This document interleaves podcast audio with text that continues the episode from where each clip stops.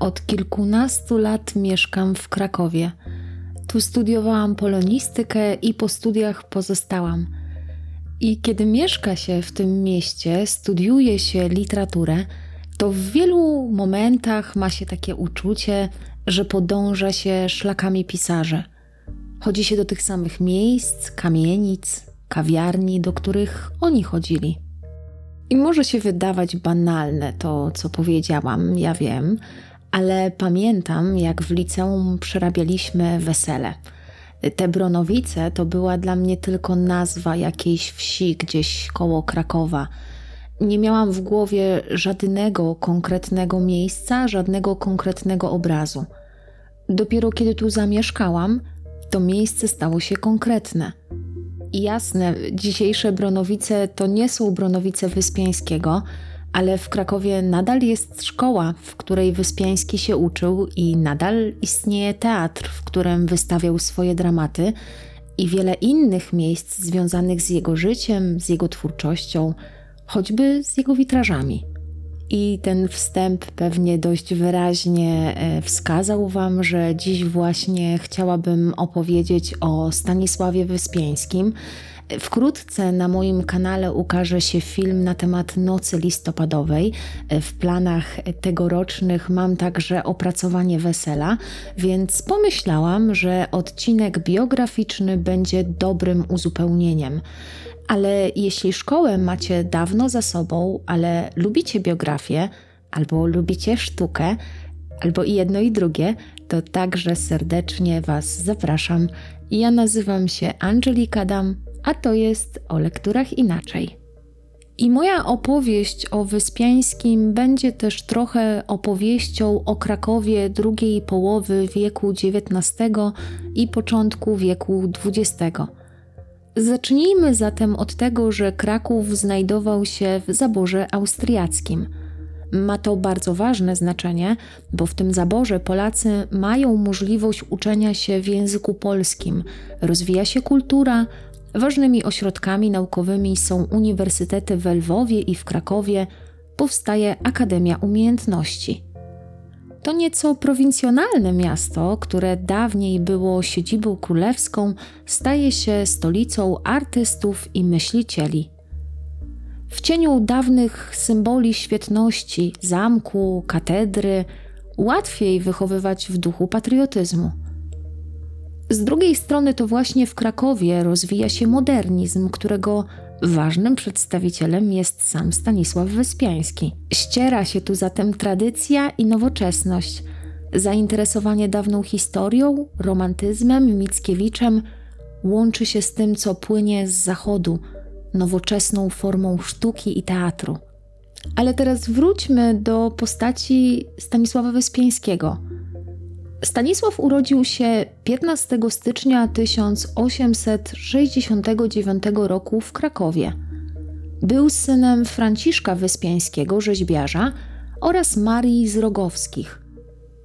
Jego ojciec był artystą, który nie osiągnął jednak wielkiej sławy. Być może to to sprawiło, że cierpiał na chorobę alkoholową.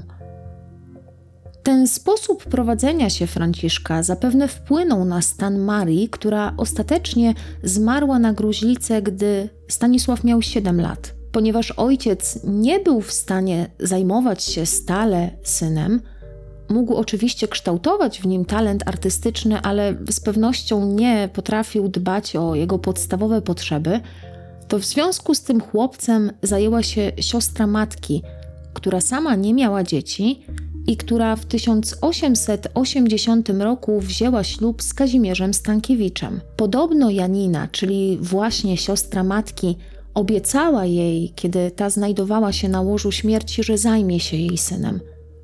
I zajmowała się nim wraz z mężem najlepiej, jak potrafiła.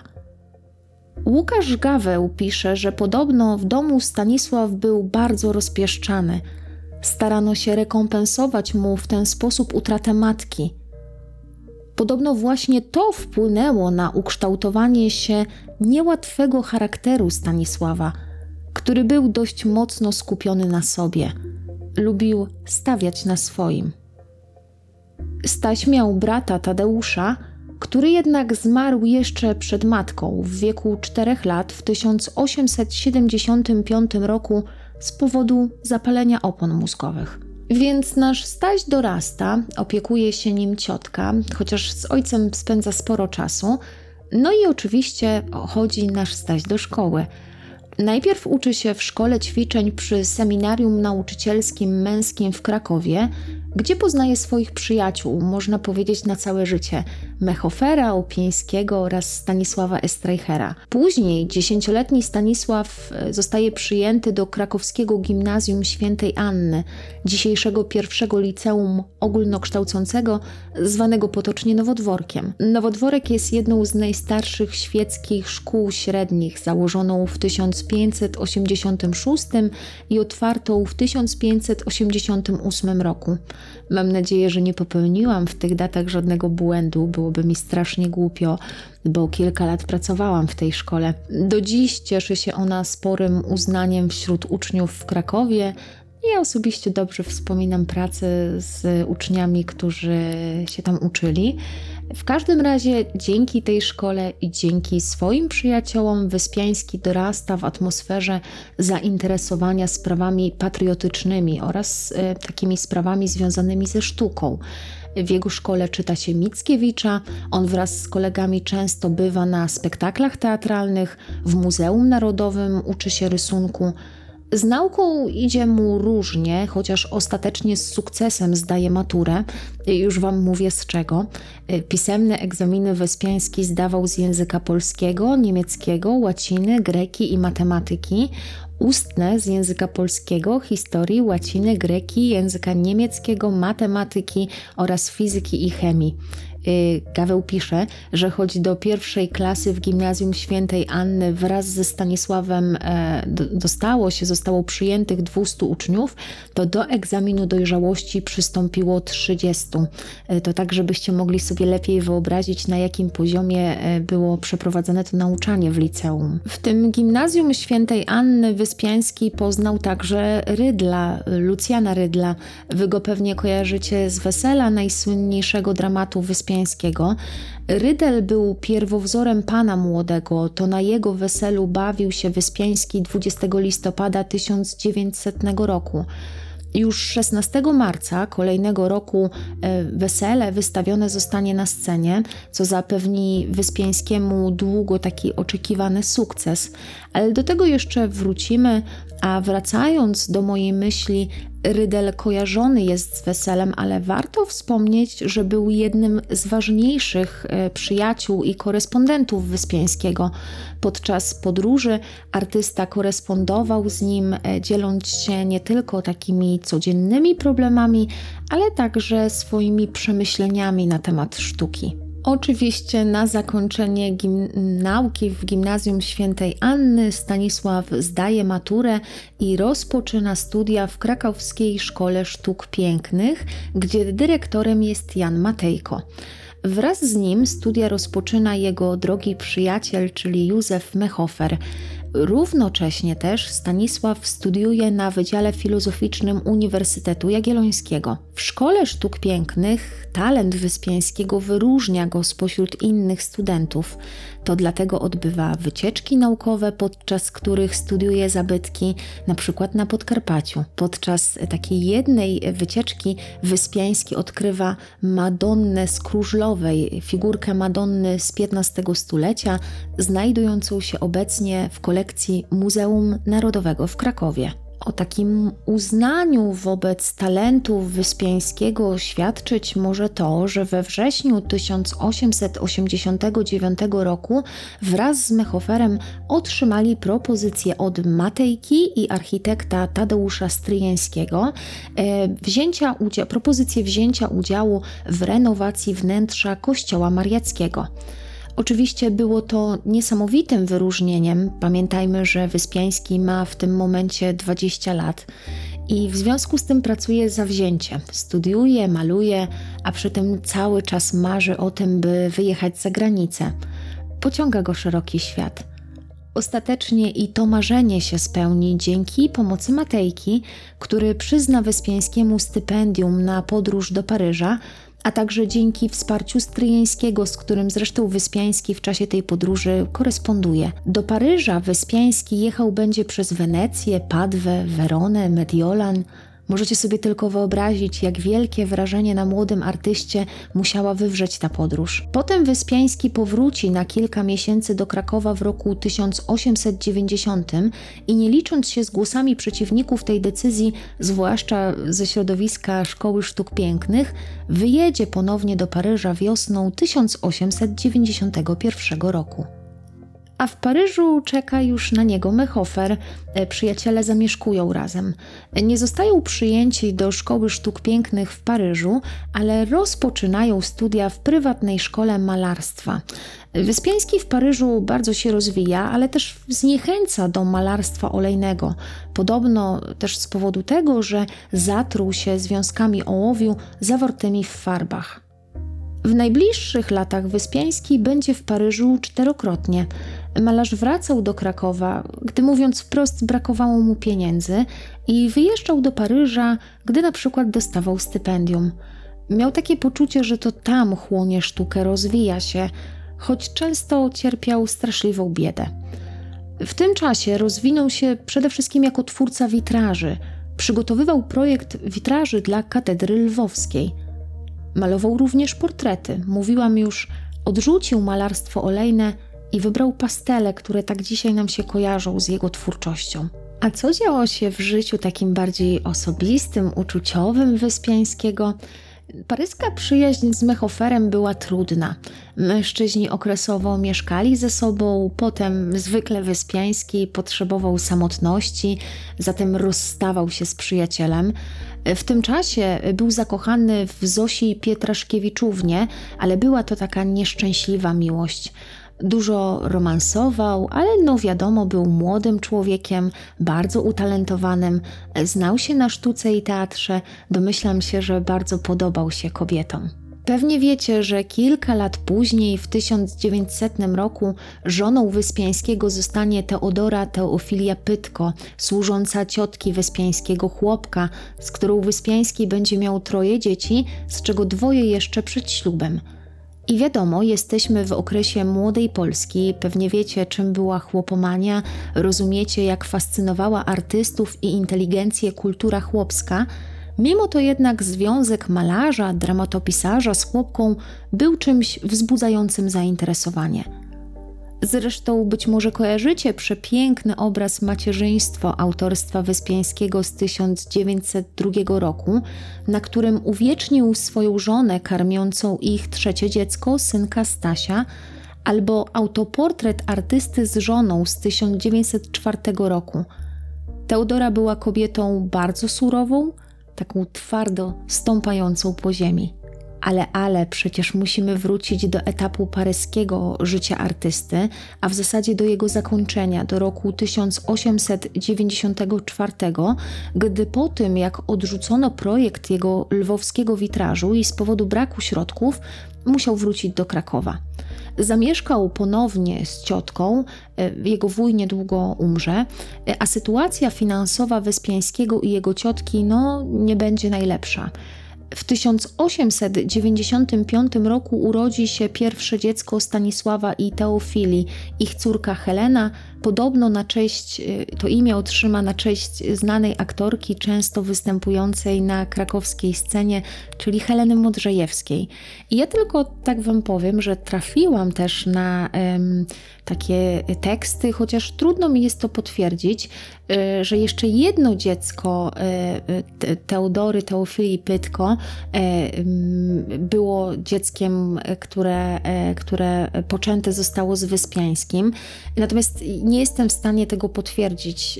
Y, z tego co wiem, oficjalnie e, wspólnie e, mieli oni troje dzieci. W tym samym roku, 1895, sytuacja jednak się poprawi.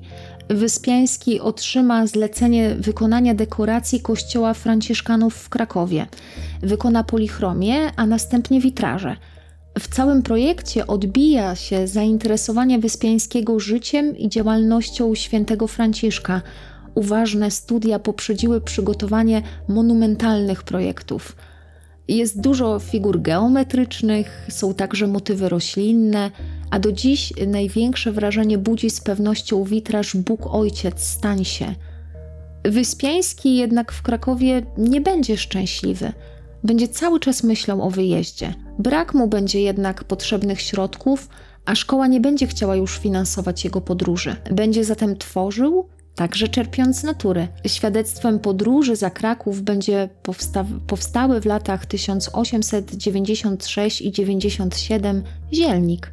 Dramaty Wyspiański pisał jeszcze w Paryżu, jednak w związku z tym, że jego pierwsze próby nie cieszyły się jakimś większym zainteresowaniem, do pisania wrócił dopiero w 1896 roku. Dyrektorem teatru miejskiego wtedy był Tadeusz Pawlikowski. Zainteresował się on twórczością Wyspiańskiego i zdecydował się na wystawienie Warszawianki w 1898 roku. Warszawianka to utwór, w którym Wyspiański wraca do jednego z najważniejszych wydarzeń dla romantyków do powstania listopadowego. Zresztą nie jest to jedyny utwór, e, w którym wraca do tej historii. Robi to choćby w nocy listopadowej z 1904 roku. I skoro mówimy już o Wyspiańskim jako dramatopisarzu, to warto pamiętać, że jego rola w inscenizacji nie ograniczała się tylko do dostarczenia gotowego tekstu. Wyspiański nierzadko zajmował się projektowaniem dekoracji, rekwizytów czy kostiumów. W pewnym sensie powiedzieć możemy, że był artystą totalnym. Łukasz Gaweł, autor biografii Wyspiańskiego o tytule Na chęciach mi nie braknie, ja już kilkukrotnie tutaj wspominałam jego nazwisko, on stwierdza, że ważnym momentem w życiu Wyspiańskiego było lato 1898 roku. To wtedy zdał sobie sprawę z tego, że cierpi na nieuleczalną chorobę. Ta choroba to była kiła, którą zaraził się prawdopodobnie jeszcze w Paryżu to ona stanie się przyczyną śmierci e, artysty 28 listopada 1907 roku. Ale w mojej historii Wyspiański przecież jeszcze żyje. Jest częścią krakowskiej bohemy artystycznej, która spotyka się najpierw w kawiarni Ferdynanda Turlińskiego, a następnie w jamie Michalika. Towarzystwo krakowskie było szczególnie ożywione od momentu, kiedy w 1898 roku do Krakowa przybył Stanisław Przybyszewski. Zresztą o jego wpływie na inteligencję krakowską ironicznie w weselu wspomina jego autor. Z Przybyszewskim Wyspiański współpracował jako kierownik artystyczny czasopisma Życie. Wydaje mi się, że w dużej mierze w wyniku postępującej choroby Wyspiański ostatecznie zdecydował się na ślub z Teodorą Teofilią Pytko, o której już mówiłam 18 września 1900 roku. I ten ślub odbył się w kościele świętego Floriana w Krakowie – to jest taki kościół tuż przy placu Matejki w Krakowie, miejscu mi szczególnie bliskim, bowiem mieszkałam tam kilka lat i we wspomnianym kościele zdarzało mi się bywać. Świadkami na ślubie był, e, byli wuj Wyspiańskiego i uwaga, pierwowzór gospodarza z wesela, czyli malarz Włodzimierz Tetmajer. No ale przecież przełomowym w życiu Wyspiańskiego było inne wesele, wesele jego przyjaciela Lucjana Rydla, wesele z chłopką Jadwigą Mikołajczykówną, na którym wraz z Błażejem Czepcem byli świadkami, a które natchnęło go do napisania, a następnie wystawienia w marcu 1901 roku na, na deskach Teatru Miejskiego w Krakowie. Wesela właśnie – o tym, jak publiczność krakowska zareagowała na przedstawienie, najlepiej chyba pisze Tadeusz Boj-Żeleński w plotce. Publiczność była oszołomiona, zdezorientowana. Na pierwszy plan wysuwał się element plotki w weselu, element nietaktu towarzyskiego. Włodzimierz Tetmajer i Rydel napisali do Wyspiańskiego listy z wymówkami. Niewiele w pierwszej chwili dopomogła publiczności krytyka – i jeden z recenzentów wybitnego krakowskiego pisma napisał, że myślą przewodnią tej sztuczki jest zachęcić inteligencję, aby się zbliżała do ludu, a choć nie brak przy tym małych dysonansów, ale całość się kończy pogodnie wesołym oberkiem. Dopiero krytyk czasu, Rudolf Starzewski, szeregiem głębokich i świetnych felietonów poddał ton, w jakim należało pisać o weselu – Odtąd powodzenie i znaczenie wesela rosły lawinowo. Wesele jest jednym z najważniejszych i chyba nie są to słowa na wyrost, jednym z najlepszych polskich dramatów. Wyspiański znakomicie łączy w utworze świat realistyczny z fantastycznym. Wykorzystuje autentyczne wydarzenie, by pokazać sprawy wielokrotnie już poruszane w literaturze polskiej, kwestie podziału społecznego, niemożności pogodzenia się, bierności społeczeństwa. Bohaterowie Wesela Wyspiańskiego są trochę jak Kraków tego okresu, ospali, pełni chęci, ale bierni, ułożeni w tej nowej rzeczywistości, tak miękko w niej rozgoszczeni. Wesele przyniesie ogromną sławę ludziom, e, którzy byli pierwowzorami postaci ukazanych w tym dramacie. Słynna jest przecież anegdota o Pepie Singer, która do końca życia została już Rachelą. Ale ja, podobnie jak Boy, chciałabym zwrócić Waszą uwagę na malarskość tego dramatu, na rytm poszczególnych scen. Wyspiański jest świetnym obserwatorem i znakomitym słuchaczem. Z urywków posłyszanych zdań tworzy całą weselną atmosferę. A tu jeszcze mam dla Was taki fragmencik z boja, w którym charakteryzuje on Wyspia- Wyspiańskiego tak na deser. Dla tych, którzy znają Wyspiańskiego jedynie z jego pism, nie dość może żywo występuje pewien jego rys, który w obcowaniu osobistym, w rozmowie, zdawał się niemal dominującą cechą jego inteligencji, mianowicie złośliwość, najprzedniejsza dowcipem złośliwość, wyostrzona i lśniąca jak brzytwa. Rozmowa jego iskrzyła się od takich cięć, które zadawał swoim brzęczącym, cichym głosikiem i ścienkim uśmieszkiem na wargach. I tak na zakończenie Wam powiem, że w kwietniu 1901 roku wesele zostało nawet wydrukowane, uwaga, w dwóch tysiącach egzemplarzy. Jak na Kraków, był to szeroki nakład, zwłaszcza jeśli weźmiemy pod uwagę wystawienie dzieła na scenie i w ogóle inne okoliczności. Od 1901 roku Wyspiański pracuje nad adaptacją dziadów na scenę krakowską. Udaje mu się to i prapremiera ma miejsce 31 października 1901 roku, no kiedy by indziej. Jest to niezwykle symboliczne. Człowiek, który nazywany bywa dzisiaj czwartym wieszczem, sam podjął się wystawienia dzieła wielkiego romantycznego wieszcza, tak bardzo ważnego w jego życiu. Ten ostatni etap życia Wyspiańskiego kojarzy mi się też z portretami, zwłaszcza portretami jego własnych dzieci. Polecam Wam portrety śpiącego Stasia i śpiącego Mietka oraz właśnie z dramatami. Niestety wyzwolenie okaże się klapą i grane będzie tylko 18 razy, co jest pewną porażką po weselu, które jak wyliczył Gaweł, grane było zdaje się 105 razy. Potem publiczności zaprezentowany zostanie Bolesław Śmiały, pracował będzie Wyspiański także nad Akropolis i Nocą Listopadową. W tym okresie autor już dość poważnie choruje, przerywa pracę, by wyjechać do uzdrowiska, potem wraca i cały cykl się powtarza. Wyspiański zresztą wpada w konflikt z aktualnym dyrektorem sceny krakowskiej, Kotarbińskim, który odmawia wystawienia Akropolis. Ten końcowy etap życia Wyspiańskiego kojarzyć warto także ze sztuką użytkową. On stworzył choćby wystrój dla domu Towarzystwa Lekarskiego, oczywiście w Krakowie. Na mnie największe wrażenie e, robi jednak projekt wnętrz dla Zofii Pareńskiej i Tadeusza Bojarzeleńskiego, e, tej małej Zosi z Wesela, z której rodziną Wyspiański był zaprzyjaźniony. Szczytem osiągnięć Wyspiańskiego jest projekt przebudowy Wzgórza Wawelskiego. Ostatnie lata życia Wyspiańskiego to nieustanna choroba. Jest on w coraz gorszym stanie. Wiedzą o tym jego przyjaciele, którzy chcą go za wszelką cenę ratować. W 1906 roku artysta przeprowadza się z rodziną do wsi Węgrzce, chociaż nie jest szczęśliwy poza Krakowem. Trochę jeszcze tworzy, z tego okresu pochodzi jego dramat Powrót Odysa. Kilkanaście dni przed śmiercią Wyspiański ostatni raz widział się z Rydlem, który odwiedził go w szpitalu. Po śmierci artysty jego ciało uroczyście przewieziono do kościoła mariackiego, gdzie odprawiono mszę żałobną, po czym przewieziono go do kościoła na skałkę. Podczas tej trasy bił dzwon Zygmunta.